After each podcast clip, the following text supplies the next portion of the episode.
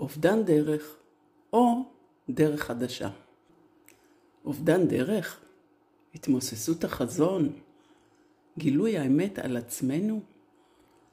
המסכה הוסרה מעל פנינו, וכל אותם אתגרים שכיסינו עליהם, כי לא היה לנו אומץ וזמן לפתוח ולהתייחס אליהם, כרגע הכל גועש בפנים. הרגשות מתפרצים בלי שום פרופורציה, והקרע בעם מתגלה במלוא כיעורו. זה מפחיד. הוא מעורר הרבה שאלות, לאן פנינו מכאן? ואז קמות קבוצות כמו פטריות אחרי הגשם ומבקשות לקיים שיח מקרב. בחצרות הבתים, במרכזים עירוניים, במושבים, בקיבוצים, וכולם שואלים, לאן פנינו מכאן? ואז האופטימיות התחילה לנבוט בתוכי. אנחנו לא כמו כל העמים.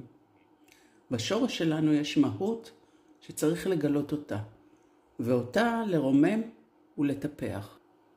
ויש לנו את התבונה לעצור ולברר. לעצור ולשאול, לאן מכאן?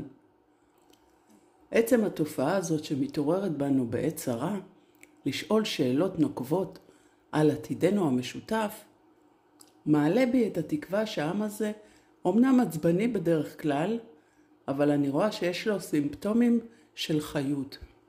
הוא חי. ברור שהוא ימצא את דרך האמצע לחיות כאן ביחד כעם. ייתכן שהגיע הזמן לחדש את החוזה בינינו, להגדיר ולחדד את ערכי החזון שמחבר בינינו, ולשיר את ההמנון בקול רם. עוד לא אבדה תקוותנו.